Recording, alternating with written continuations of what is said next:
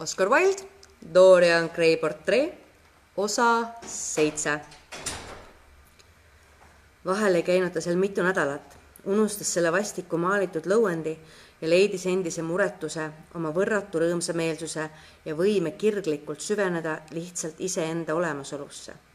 siis aga hiilis ta äkki ühel ööl majast välja läks Blue Gate Fieldsi läheduses asuvaisse jubedatesse urgat-, urgastesse ja jäi sinna mitmeks päevaks, kuni ta minema aeti.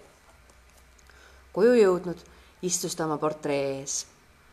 vahel nii pilti kui iseennast jäl-, jälestades, teinekord aga uhkust tundes oma individualismi üle, mis on pool patu võlust, ja salajase lõbuga naeratas ta sellele moonutatud varjule, mis oli kohustatud kandma tegelikult hoopis temale määratud koormat.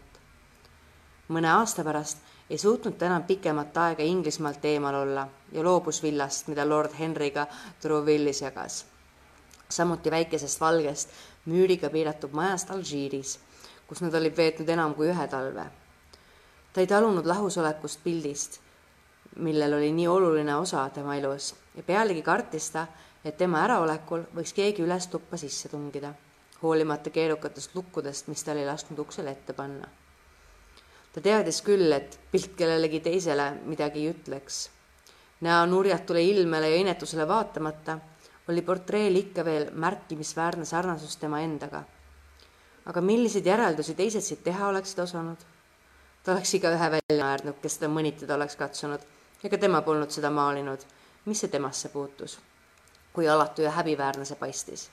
isegi kui ta oleks sellest rääkinud, kes oleks teda uskunud? ometi kartis ta vahel, kui ta viibis oma suures majas Nottinghamshire'is, võõrustades seal oma seisusesse kuuluvaid keigerlikke noormehi, kes ta põhilisteks kaaslasteks olid ja vapustades kogu krahvkonda oma eluviiside ohjeldamatu pillavuse ja toretseva suurjoonelisusega, jättis ta oma, äkki oma külalised maha ja kihutas linna tagasi, et järele vaadata, kas keegi pole ust muukinud ja kas pilt on veel alles. kui see tõesti peaks ära varastatama, ainuüksi mõte sellele ajas talle külmavärinad peale. siis saaksid kõik tema saladusest teada. võib-olla juba aimatigi seda. sest kuigi ta paljusid võlus, oli küllalt neidki, kes teda ei usaldanud. äärepealt oleks ta kandidatuur ühe West Endi klubisse läbi kukkunud, läbi kukutatud, ehkki tal oli sünnipära ja seltskondliku positsiooni tõttu täielik õigus klubi liikmeks saada ja teati rääkida, et kord, kui keegi sõber ta Churchilli klubi suisatamistuppa tõi, olid Berviki hertsog ja keegi teine džentelmen demonstratiivselt üles tõusnud ja välja läinud. pärast seda, kui ta oli kahekümne viie aastaseks saanud, hakati tema kohta aina imelikumaid lugusid rääkima. levis kuuldus, nagu oleks teda nähtud prassimas koos välismaa madrustega kusagil räpases urkas Whitechapeli viimases otsas ja nagu käiks ta läbi varaste ja valeraha tegijatega ja tunneks nende ametisaladusi. tema imelikud kadumised seadsid ta õige halba valgusse ja kui ta uuesti seltskonda ilmus, hakati nurga taga sosistama. mindi temast irvitades mööda või mõõdeti teda külma uuriva pilguga, nagu oleksid inimesed otsustanud tema saladusele jälile saada. niisugustele nimme mõeldud solvangutele ja põlgusavaldustele ei pööranud ta muidugi mingit tähelepanu. ja enamiku inimeste silmis oli tema avameelne sundimatu olek, kütkestav poisil, poisikeselik naeratus ja selle imelise nooruse raugemata võlu mis teda nähtavasti kunagi maha ei jätnud, juba iseenesest küllaldaseks vastuseks niinimetatud laimujuttudele, mis tema kohta liikusid. ometi võis märgata, et mõned neist, kes talle kõige lähemal olid seisnud, hakkasid varsti temast kõrvale hoidma. naised, kes olid teda pööraselt jumaldanud, tema pärast seltskondlikule hukkamõistule vilistanud ja viisipäraseid kombeid trotsinud, muutusid hirmu või häbi pärast kahvatuks, kui Dorian Gray sisse astus. ent paljude silmis Need salaja sosistatud skanda-, skandaalilood hoopis suurendasid Dorian Gray kummalist ja hädaohtlikku veetlust. tema suur rikkus tagas talle teatava julgeoleku. ühiskond, vähemalt tsiviliseeritud ühiskond, pole kunagi eriti varemalt valmis uskuma midagi halba neist, kes on samal ajal nii rikkad kui sarmikad. loomusunniliselt tunneb ta, et välised kombed on tähtsamad kui moraal ja ülim kõlblus on tema meelest vähem väärt kui hea kokk ja lõpuks on see väga vilets lohutus, kui öeldakse, et mees, kes sulle halba lõunasööki või kehva veini pakkus, on eraelus igati laitmatu. ka suurimad voorused ei suuda korvata mahajahtumata külma rooga, nagu lord Henry kunagi selle teema üle mõtteid vahetades oli täheldanud. ning tema arvamuse toetuseks võiks vist nii mõndagi lisada. Sest hea seltskonna põhimõtted on või vähemalt peaksid olema samad, mis kunsti põhimõttedki. vorm on talle absoluutselt oluline. talle on vaja nii tseremoonia auväärsust kui ka selle ebareaalsust ja ta peaks endas ühendama romantilise näidendi ebasiirust vaimukuse ja iluga, mis need näidendid nii kaasakistuvaks teeb. kas ebasiirus ongi nii hirmus asi? ma ei usu.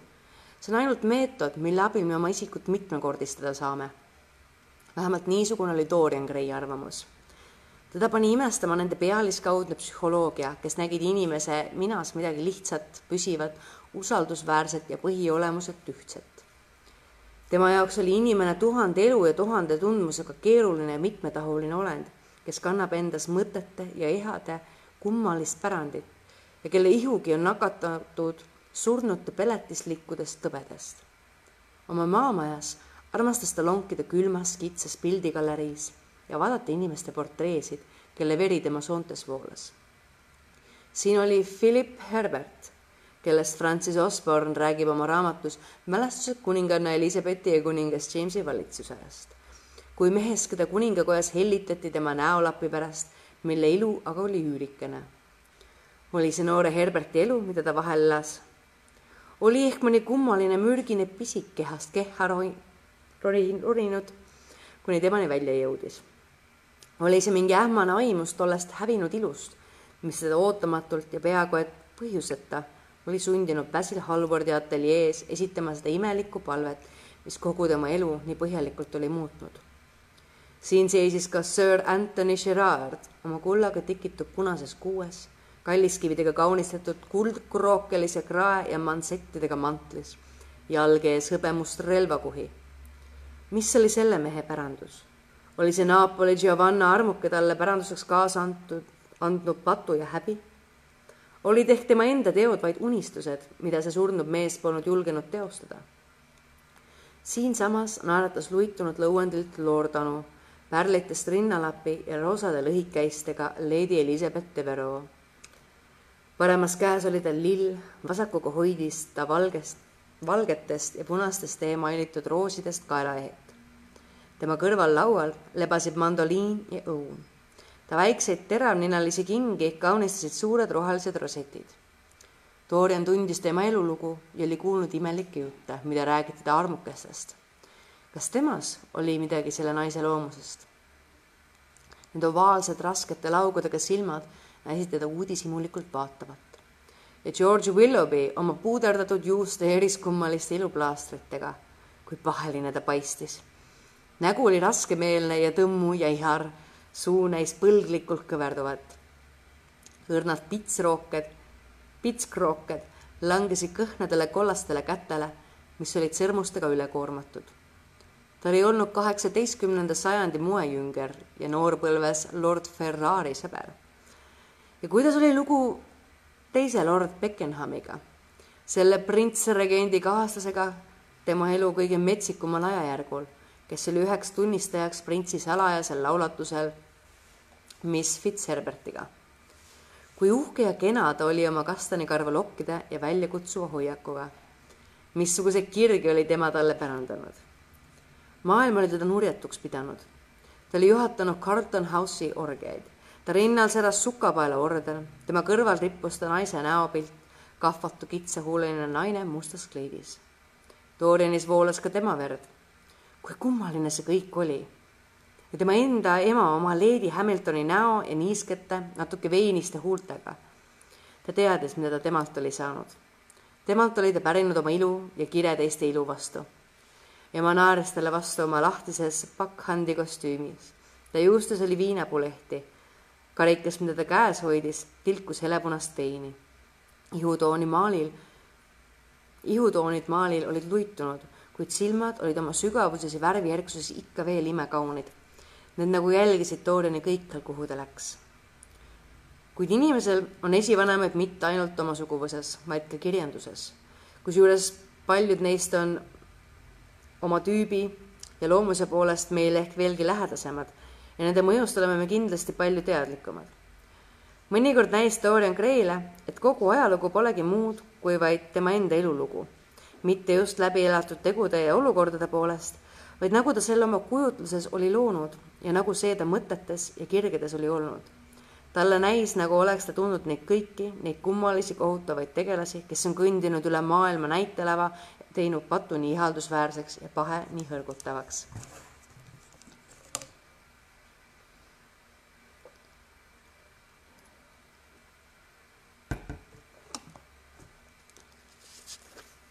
Talle tundus, et mingil salapärasel kombel oli nende elu olnud tema enda oma selle suurepärase romaani kangelane, kes ta elu nii tugevalt oli mõjustanud, mõjustanud, oli maitsnud samasugust tundmust.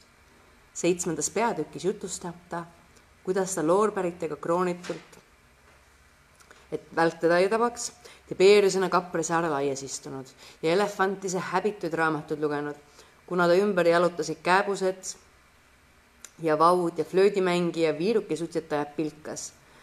Kalgulana oli rohelistes särkides tallipoistega hobusetallis prassinud ja söönud elevandiluust sõimes koos hobusega, kelle otsmikku kaunistas kalliskivi. Domitianusena oli ta kõndinud läbi marmorpeeglite koridori, varitsedes segasel pilgul pistuda vastuhelki, mis pidi ta elupäevad lõpetama. ja kannatades elutüdimust, seda kohutavat aedium vitae'd, mis on nende pärisosa, kellele elu ei keela midagi läbi selge smaragdi oli ta piilunud tsirkuse punaseid tapapinke ja siis pärlitest ja purpurist kandetoolil, mida kandsid hõberaudadega muulad, suundunud läbi granaatõune, läbi granaatõunte tänava kuldpalee poole ja kuulnud inimesi möödudes Caesar Nerot maha karjumas.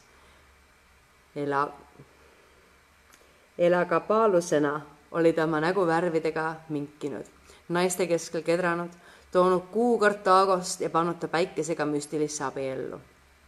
ikka ja jälle armastas Dorian lugeda seda fantastilist ja kahte sellele vahetult järgnevat peatükki, milles nagu mingis tavatus gobeläänis või osavalt teostatud emaili maalis kujutati nende kohutavaid ja ilusaid kujusid, keda pahe, veri ja tüdimus olid hulluks ajanud või peletisteks muutunud.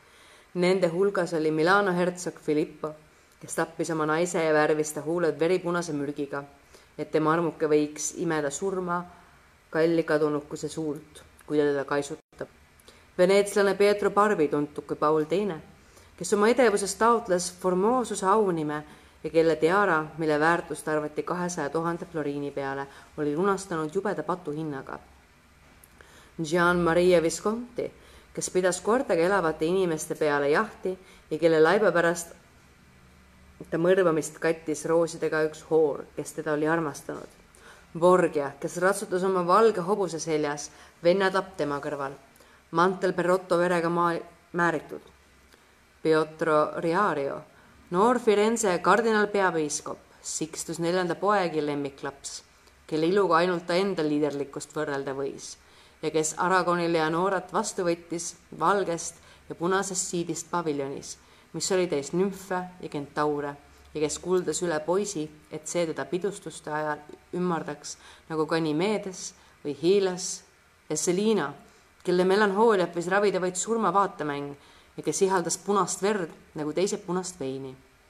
vanakurja poeg, nagu öeldi, see, kes oma isa pettis, kui ta temaga omaenda hinge peale täringut heitis. Giambattista Cibo kes nalja poolest võttis endale liignimeks süütu ja kelle haprunud soontesse keegi juudi arst pumpas kolme poisi verd. Sigismondo Malatesta, Isoto armuke, Rimini isand, kelle kui jumala ja inimese vaenlase sümboolne kuju Roomas põletati ja kes polissena linnikuga ära kägistas andis Ginevra d'Estels smaragdikarikas mürki ja ehitas oma häbiväärse kireauks kristliku jumalateenistuse tarvis paganliku templi Charles kuues, kes nii meeletult oma venna naist ihaldas, et keegi pidalitõbiline teda ähvardava nõdrameelsusest hoiatas ja kes siis, kui ta mõistus oli jäänud haigeks ja imelikuks, võis vaigit-, vaigistust leida ainult saratseenlaste mängukaartidest, millel oli kujutatud armastust, surma ja hullumeelsust. Toredas vammuses, kalliskividega ja kaunistatud mütsis ja karusõra lehti meenutavate lokkidega Zrifonetto Baglioni, kes tappis Astorre koos mõrsjaga ja Simonetto koos kannupoisiga, kelle ilu oli niisugune, et kui ta surres lebas Perugia kollasel turuplatsil, siis valasid need, kes teda olid vihanud, tahes-tahtmata pisaraid. ja Atalanta, kes oli ta ära neednud, õnnistas teda. Nendes kõigis oli mingi õudne võlu. Ta nägi neid öösiti unes ja päevalgi erutasid nad tema kujutlust. renessanss tundis enneolematuid mürgitamisviise, mürgitamist kiivri ja põleva tõrvikuga, tikitud kinda ja kalliskividega kaetud lehvikuga, kullatud lõhnaõlipudeli ja merevaigus keega. Dorian Gray oli mürgitatud raamatuga. oli silmapilke, mil ta vaatas pahele lihtsalt kui moodusele, mille kaudu ta saaks kehastada oma iluaadet.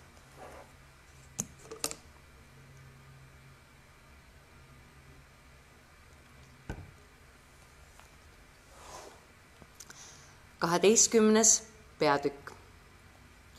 see oli üheksandal novembril just tema kolmekümne kaheksanda sünnipäeva eelõhtul, nagu ta hiljem sageli meenutas.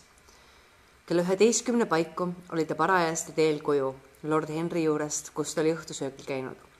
ja tal oli seljas raske karusnahk kasukas, sest õhtu oli külm ja udune. Grosvenor Square'i ja South Audley Streeti nurgal tuli talle udus kiirel sammul vastu keegi mees, halli mantlikrae üleval. käes kandis ta reisipauna. Dorian tundis ta ära see oli Basil Hallward. teda valdas äkki imelik hirm, millele ta ei osanud seletust leida. teeseldes, nagu poleks ta vastutulijat ära tundnud, ruttas Dorian kodu poole. kuid Hallward oli teda märganud. Dorian kuulis, kuidas ta algul kõnniteel seisma jäi ja talle siis kiiresti järele tõttas. mõne hetke pärast tundis ta kunstniku kätt oma käsivarrel. Dorian, no küll on õnnelik kokkusattumine istusin juba kella üheksast peale teie raamatukogus ja ootasin teid lõpuks hakkas mul teie väsinud teenrist hale ja kui ta mind välja lask, siis käsksin tal magama minna. sõidan kesköikse rongiga Pariisi ja mul on tingimata vaja teid enne ärasõitu näha. kui te mulle vastu tulite, siis arvasin kohe, et olete, et see olete teie või vähemalt teie kasukas. aga päris kindel ma ei olnud. kas teie mind ära ei tundnud? Selle uduga, kallis Basil, ma ei tunne isegi Grosvenor Square'i ära. mu maja peab vist kusagil siinkandis olema aga ma enam ma täiesti kindel ei ole. kahju küll, et ära sõidate. ma ei ole ju teid iidemast aadamast näinud, aga loodetavasti tulete varsti tagasi. ei, jään välismaale kuueks kuuks. kavatsen võtta Pariisis ateljee ja peita end sinna seniks, kuni saan valmis ühe suure pildi, mis mul praegu mõttes on. aga ma ei tahtnud endast rääkida. Ongi teie maja. lubage, ma astun korraks sisse, mul on teile midagi öelda. väga armas, aga ega te äkki rongist maha ei jää ütles Dorian Gray tujutult, kui ta trepist üles läks ja Snepri võtmega ukse avas. vaevaliselt läbi udu tungivas lambivalguses vaatas Halvar kella. mul on aega laialt, vastas ta. rong läheb kell veerand üks ja praegu on alles üksteist. kui ma teid kohtasin, pidin teid just parasjagu klubisse otsima minema. Ja kuna ma oma suuremad pakid juba ära saatsin, siis pole mul pagasiga ka mingit ajaviitmist kogu mu kraam on selles Paunas ja Victoria jaama jõuan siit lahedasti kahekümne minutiga. Dorian vaatas talle otsa ja naeratas. kas siis kuulsad kunstnikud niimoodi reisivad? käsikohver ja ulstermantel. tulge sisse, muidu pole pudumajja. ja vaadake, et te mul siin midagi tõsist ei räägi. tänapäeval ei ole miski enam tõsine. vähemalt ei tohiks olla. Pead vangutades astus Halvard sisse ja läks Doriani järel raamatukogu tuppa suures lahtises kaminas leegitses hele halutuli, lambid põlesid ja väikesel mosaiiklaual seisis avatud hõbedane Hollandi viinalaegas soodavee sifoonide ja mahukate kristallklaasidega. nagu te näete, tegi teener mulle olemisveidi koduseks, Dorian. ta andis mulle kõike, mida ma tahtsin, isegi teie kõige paremaid kuldmundstükiga sigarette. Ta on teil väga külalislahke inimene mulle meeldib ta palju rohkem kui see prantslane, kes teil varem oli. muuseas, mis sellest prantslasest on saanud? Dorian kehitas õlgu. minu meelest abiellus ta selle Lady Radley toatüdrukuga ja tegi temast Pariisis inglise õmblejanna. kuuldavasti on seal anglomaania praegu üpris moes. kas teile tundub, prantslased on selle koha pealt veidi napakad?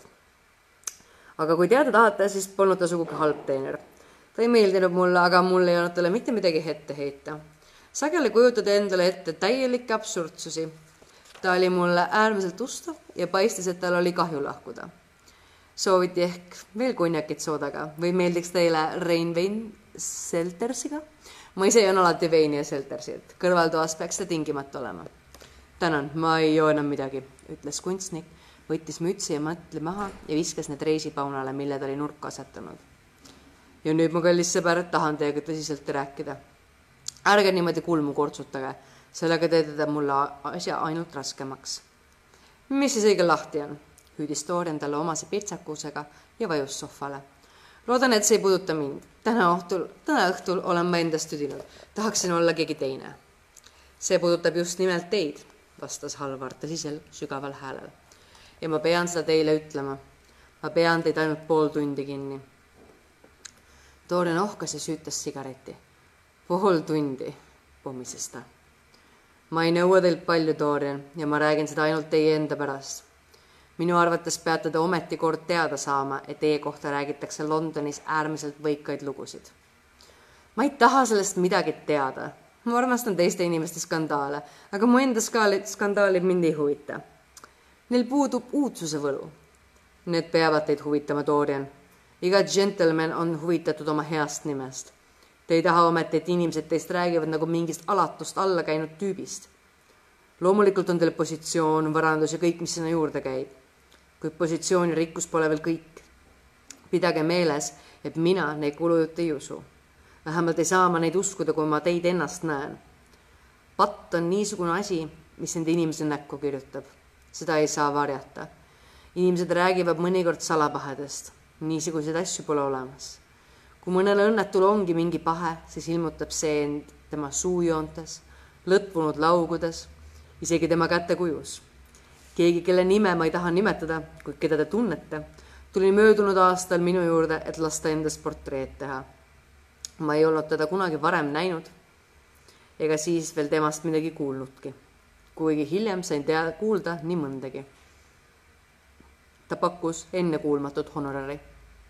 ütlesin talle ära tema sõrmede kujus oli midagi, mis mulle vastu hakkas.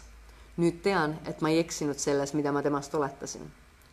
ta elu on kohutav, kuid teist, Dorian, teie puhta ja selge süütu näoga ja imelise rikkumatu noorusega, teist ei saa ma midagi halba uskuda. aga kuna ma teid väga harva näen ja te enam kunagi minu ateljeesse ei tule ja kui ma teist eemal olen ning kuulen kõiki neid inetuid asju, mida inimesed teist sosistavad, siis ei oska ma enam midagi öelda. Dorian mispärast õieti niisugune mees nagu Perviki hertsog sellest klubitoast lahkub, kuhu teie sisse astute? miks nii paljud Londoni džentelmenid kunagi jalga teie majja ei tõsta ega teid ka enda peole ei kutsu? vanasti olite te, olite te Lord Starley, Lord Stavely sõber. möödunud nädalal kohtasin teda lõunasöögil. Juhtumisi mainiti teie nime seoses miniatuuridega, mida te Dudley näituse jaoks olite laenanud Stavely muigas ja ütles, et teil võib ju küll peenkunsti maitse olla, kuid et ometi olete mees, keda ükski puhta hingega tütarlaps tunda ei tohiks ja kellega ükski korralik naine ei peaks ühes toas istuma. tuletasin talle meelde, et olen teie sõber ja küsisin, mida ta oma sõnadega mõtleb. ta ütles mulle, ta ütles mulle seda kõike, seda kõigi kuuldes otse näkku. see oli kohutav. Miks teie sõprus noormeestele nii saatuslikuks saab näiteks see õnnetu poiss kaardiväest, kes end ära tappis. Teie ju olite ta suur sõber ja Sir Henry Ashton, kes pidi Inglismaalt määratud nimega lahkuma. Te olite temaga nagu sukk ja saabas. kuidas oli lugu Adrian Singletoniga ja tema hirmsa lõpuga? mis sai Lord Kenti ainsast pojast ja tema karjäärist? nägin eile St James Streetil ta isa. ta paistis häbist ja murest murtud olevat. Kuidas oli noore Berti Hertsogiga? mis elu ta nüüd elab, missugune aumees tahaks veel temaga läbi käia? pidage, Basil, te räägite asjadest, millest te midagi ei tea, ütles Dorian Gray huult hammustades ääretult põlastava tooniga. Te küsite minult, miks Pervik toast lahkub, kui mina sisse astun. see on sellepärast, et mina tean tema elust kõik, tema minu omast mitte midagi.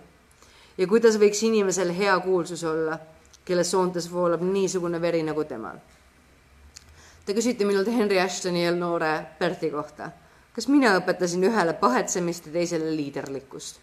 kui Kenti narr poeg võtab endale tänavalt naise, siis mis minul sellega pistmist on? kui Adrian Singleton oma sõbra nime vekslile alla kirjutab, kas siis mina olen tema hoidja? tean, kuidas Inglismaal keel pekstakse. keskklassid kehklevad rikkaliku lõunalaua taga oma kõlbeliste eelarvamustega ja sosistavad sellest, mida nad nimetavad endast paremate inimeste kõlvatuseks. püüdes välja näidata, et nad ise kuuluvad peenesse seltskonda ja on nendega lähedalt tuttavad, keda nad laimavad. meie maal piisab, kui inimene on väljapaistev, vaimukas, et iga lavast keelt enda vastu liikuma panna. ja mis elu need inimesed ise elavad, kes nii voorusliku hoiaku võtavad? kallis sõber, te unustate, et me elame silmakirjalikkuse kodumaal. Dorian, hüüdis Halvard küsimus pole selles. ma tean, et Inglismaa pole praegu midagi kiita, et Inglise seltskond on läbinisti võlts. sellepärast tahangi, et te oleksite laitmatu. Te ei ole olnud laitmatu. meil on õigus otsustada inimese üle selle mõju järgi, mida ta oma sõpradele avaldab. paistab nii, et teie omad kaotavad igasuguse headuse, puhtuse ja autunde. Te olete neisse sisendanud hullumeelset naudinguiha. Nad on täiesti põhja käinud. Teie viisite nad nii kaugele jah, teie viisite nad nii kaugele ja ometi suudate te naerda, nagu praegugi. et väga hullemaks läheb. ma tean, et te olete Harryga lahutamatud sõbrad. juba kas või selgi põhjusel, kui muud ei leidu, poleks tohtinud tema õe nime pilkesõnaks teha. vaadake ette, Basil, te lubate endale liiga palju.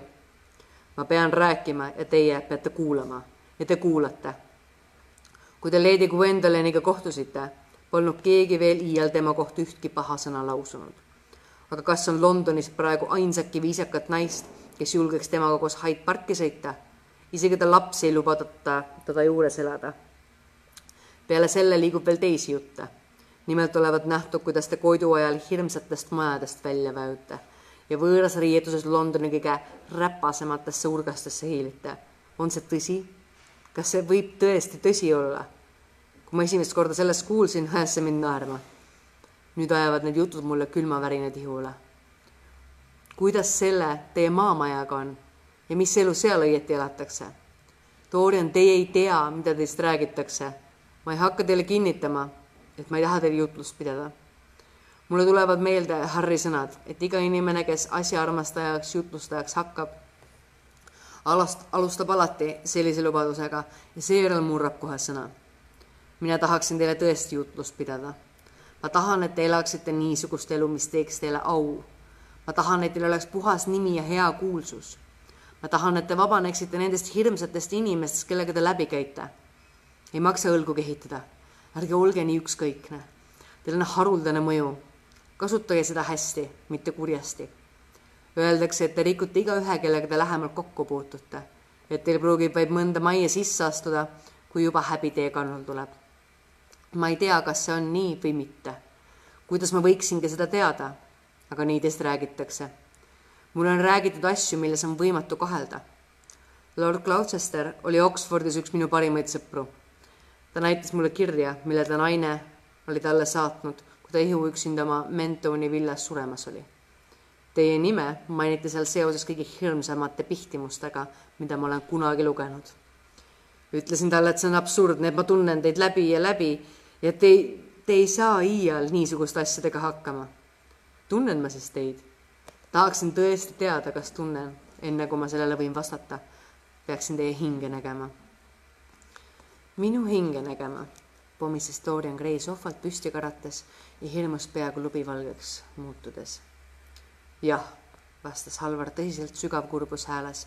peaksin teie hinge nägema, kuid seda võib ainult Jumal terav pilkav naer pääses noormehe huulilt. täna õhtul peate te seda oma silmaga nägema, hüüdis ta ja haaras laualt lambi. tulge, see on teie enda kätetöö, miks te ei peaks seda nägema? kui heaks arvate, võite pärast tervele ilmale kõik ära rääkida, mitte keegi ei usu teid.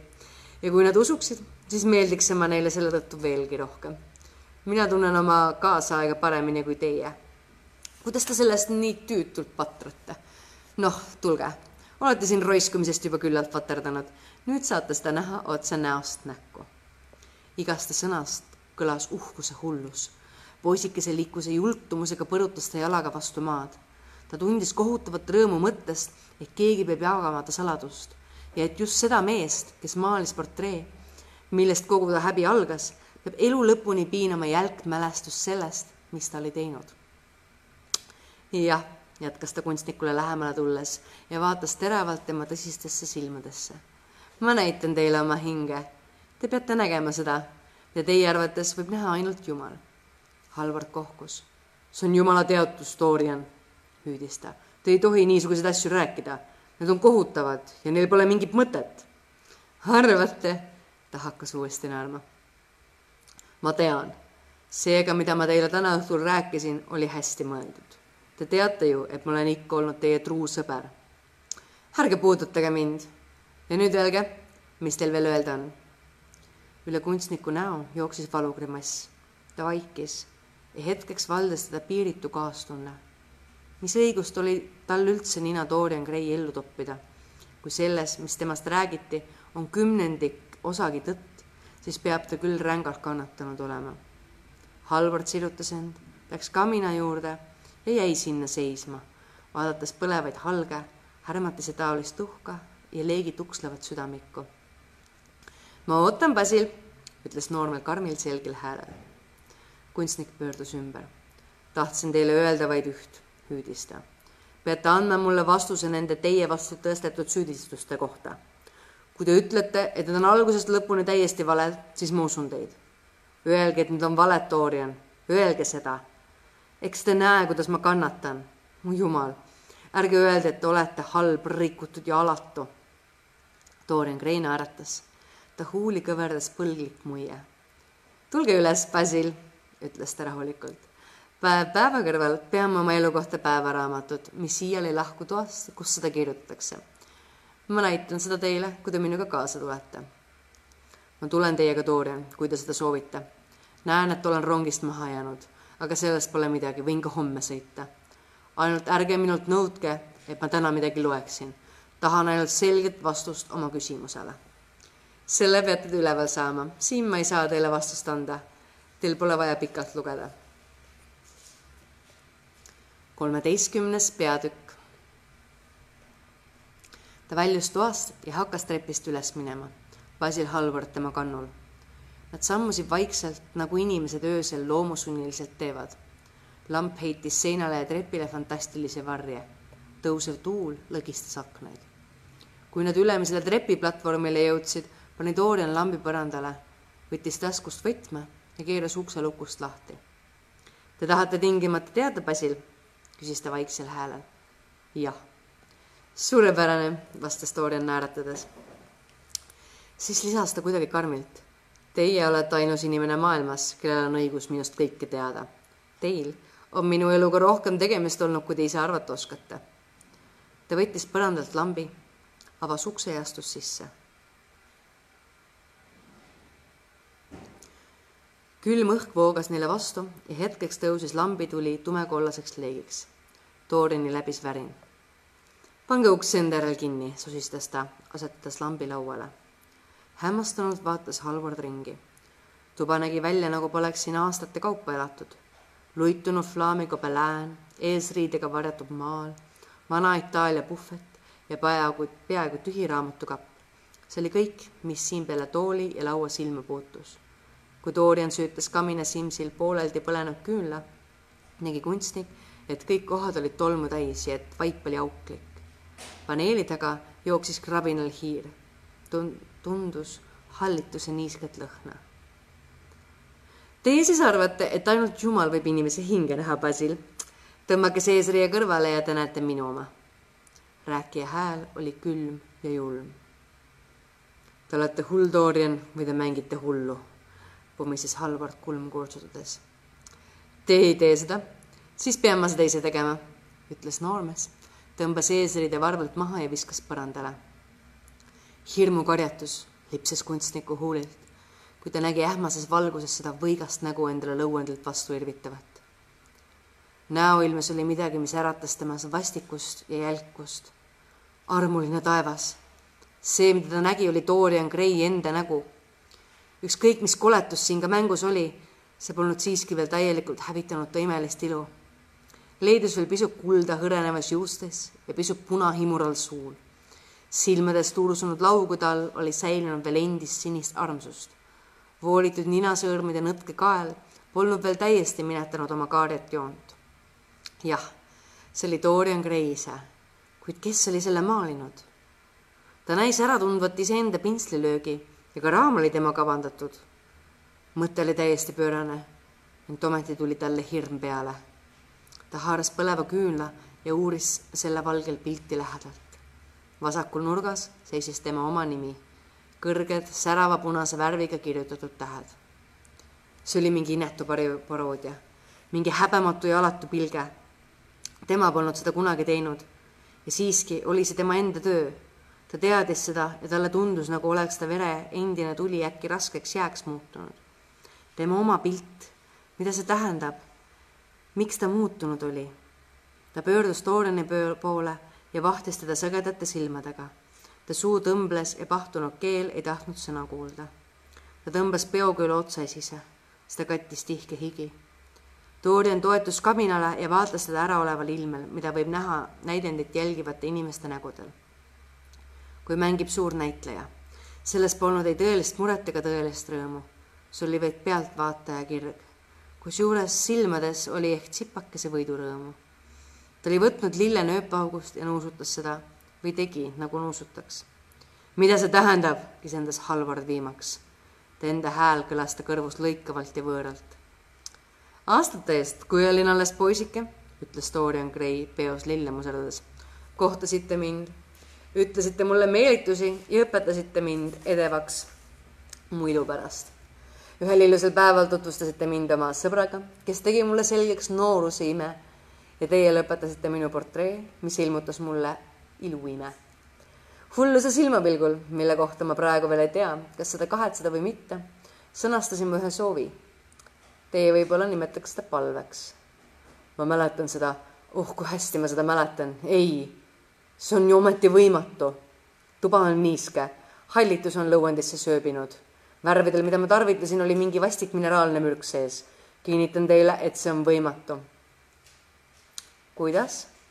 mis on võimatu? pomises noormees akna all astudes ja otsaisist vastu külma, uduseks tõmbunud klaasi surudes. Te ütlesite mulle, et te hävitasite ta ära. see polnud tõsi, tema hävitas minu. ma ei usu, et see on minu maalitud. kas te selles oma ideaali ära ei tunne? küsis Dorian kibedalt. minu ideaal, nagu te seda nimetasite, nagu teie seda nimetasite. selles polnud midagi halba midagi häbistavat. Teie olite mulle ideaaliks, mida ma enam kunagi ei leia. see on saatüri nägu. see on minu hinge nägu. issand, mida ma küll olen jumaldanud. tal on kuradi silmad. igaühel meist on taevas ja põrgu südames, Basil, hüüdis Dorian metsikul meeleheite liigutusel. Halvard pöördus jällegi pildi poole ja vahtis seda ainiti. mu jumal, kui see on tõsi, hüüdis ta ja kui see on tõesti see, mida teie oma elust olete teinud, siis olete küll veel palju halvem, kui arvavad need, kes teist halba räägivad. ta lähendas küünla uuesti pildile ja uuris seda. pildi pind näis täiesti rikkumatuna. see oli just niisugune, nagu see temast oli jäänud. lagunemine ja koledus oli alanud seestpoolt. kummaliselt kiirenenud siseelu tõttu oli patu pidalitõbi pilti vähehaaval järama hakanud isegi korjuse mädanemine märjas hauas pole nii hirmus kui see. ta käsi tuksatas, küünal kukkus pesast välja ja jäi rasva pritsidest põrandale lebama. ta astus küünlasele, küünlale jalaga peale ja kustutas selle. siis viskus ta logisevale toolile, mis laua ees seisis ja kattis näo kätega. armuline jumal Dorian, missugune õppetund, missugune hirmus õppetund. ei tulnud mingit vastust kuid ta kuulis, kuidas noormees akna all nuuksus. paluge, Dorian, paluge, pomises ta. kuidas see käis, mida meile lapsepõlves õpetati? ja ära saada meid kiusatesse, anna meile andeks meie võlad, päästa meid kurjast. loeme seda üheskoos. Teie uhkuse palvet võeti kuulda. Teie kahetsuse palvet võetakse samuti kuulda. mina jumaldasin teid üleliia. mind on selle eest karistatud. Teie jumaldasite üleliia iseennast meid mõlemaid on karistatud. Dorian Gray pöördus pikkemisi ümber ja vaatas läbi pisarate talle otsa. on juba liiga hilja, Basil, kogeles ta. kunagi pole liiga hilja, Dorian. põlvitame maha ja katsume, ehk tuleb meil mõni palve meelde. kusagil on vist niisugune sõlm ja kuigi teie patud on punased kui veri, mina pesen nad valgemaks kui lumi. Neil sõnadel pole minu jaoks enam mingit tähendust. tasa, ärge seda öelge. Te olete elus küllalt kurja teinud. jumal, kas te siis ei näe, kuidas see neetud pilt meid mõnitab? Dorian Gray heitis pildu, pilgu pildile ja äkki valdas teda võitmatu viha Basil Halvardi vastu, nagu oleks kujulõuendil talle seda sisendanud. Need irvitavad huuled seda talle kõrva susistanud. tagaaetud metslooma hullumeelsed kired mässasid temas ja ta jälestas laua ääres istuvat meest rohkem kui midagi muud kogu oma eluajal. Meeletul pilgul vaatas ta ringi. midagi läikles otse ta vastas seisval värvitud kastil. ta pilk jäi sellele peatuma ta teadis, mis see oli. see oli nuga, mille ta mõne päeva eest nööri lõikamiseks oli toonud ja siia unustanud. ta liikus pikkamisi selle poole, seejuures Halvardist möödudes. niipea, kui ta tema selja taha jõudis, haaras ta noa ja pöördus ümber. Halvard liigutas end toolil, nagu mõtleks ta tõusta. Dorian tormas tema juurde ja torkas noa suurde veresoonde, mis asub kõrva taga, surustas pea vastu lauda ja lõi ikka ja uuesti. kuuldus summutatud oie ja iseenda veres lämbuva inimese kohutav häälitsus. kolm korda söössid välja sirutatud käed kramplikult üles, kangestanud sõrmedega veidralt vehkides. Dorian lõi veel kaks korda, aga mees ei liigutanud enam. Midagi hakkas põrandale tilkuma. ta ootas silmapilgu, vajutades ikka veel mehe pead alla siis viskas ta noa lauale ja kuulatas. ta ei kuulnud midagi, ainult tilkumist, tilkumist kulunud vaibale. ta avas ukse ja astus välja trepikotta. maja oli täiesti vaikne, kedagi polnud liikumas. mõne hetke pärast kummardus ta käsipuu kohale ja vaatas alla pulbitsevasse pimeduse kaevu. Siis võttis ta võtme eest, läks tuppa tagasi ja keeras ukse enda järel lukku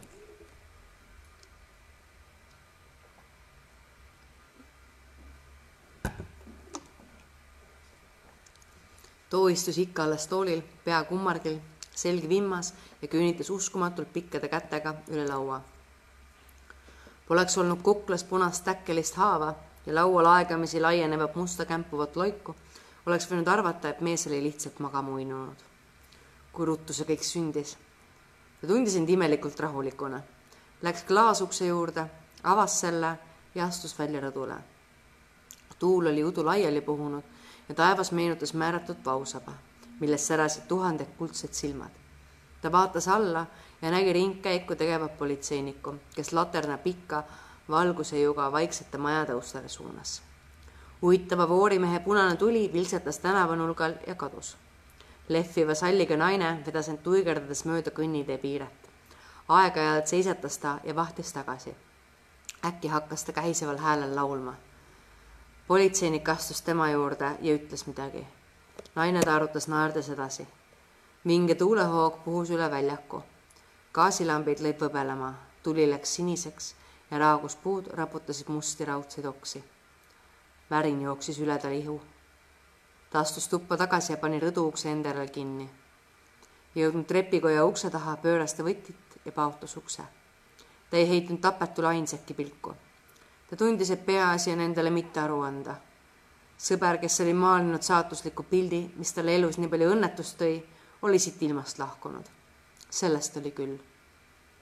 siis tuli talle lamp meelde. see oli õige omapärane tuhmist hõbedast Mauri sepis, mis oli kaunistatud läikivatest terasest arabeskidega ja tipitud lihvimat türkiisidega.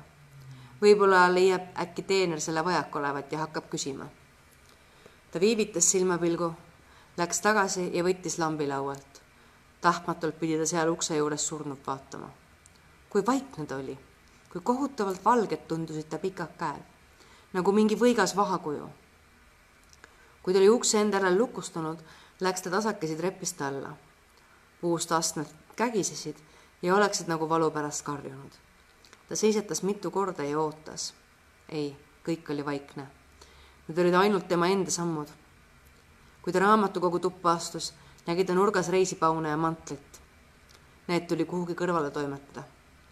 ta avas seinapaneeli alla peidetud salaurka, millest omaenda valeriidid hoidis ja pistis Halvardi asjad sinna.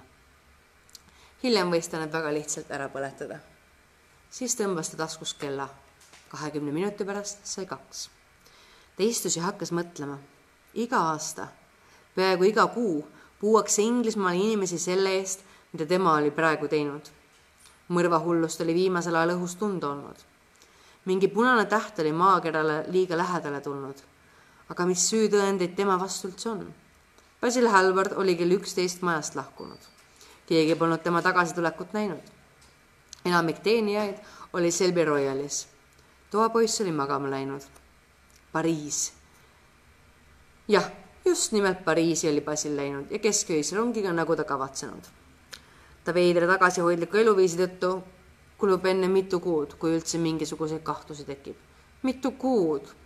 selleks ajaks on kõik juba ammu ära hävitatud äkki turgatas talle pähe üks mõte. Ta pani kasuka selga, kübara pähe ja läks halli.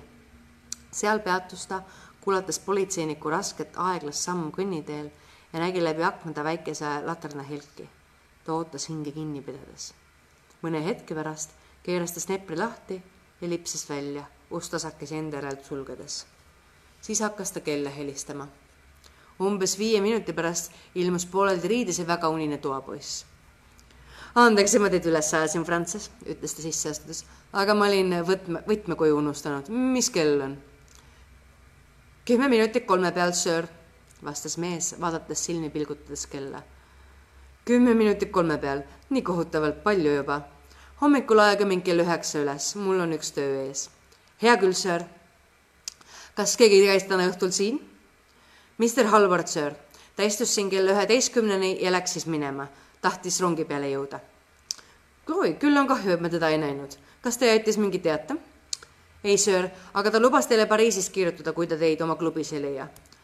olgu peale, Francis, ärge siis unustage mind hommikul kell üheksa äratamast. ei, söör. Teerne läks tuhvleid lohistades mööda koridori minema. Dorian Gray heitis mantli ja kübara lauale ning astus raamatukokku. veerand tundi käis ta siin edasi-tagasi, näris huuli ja mõtles siis võttis ta riiulilt aadressiraamatu ja lehitses seda. Alan Campbell, Hertford Street sada viiskümmend kaks, Mayfair. jah, see oli mees, keda ta vajas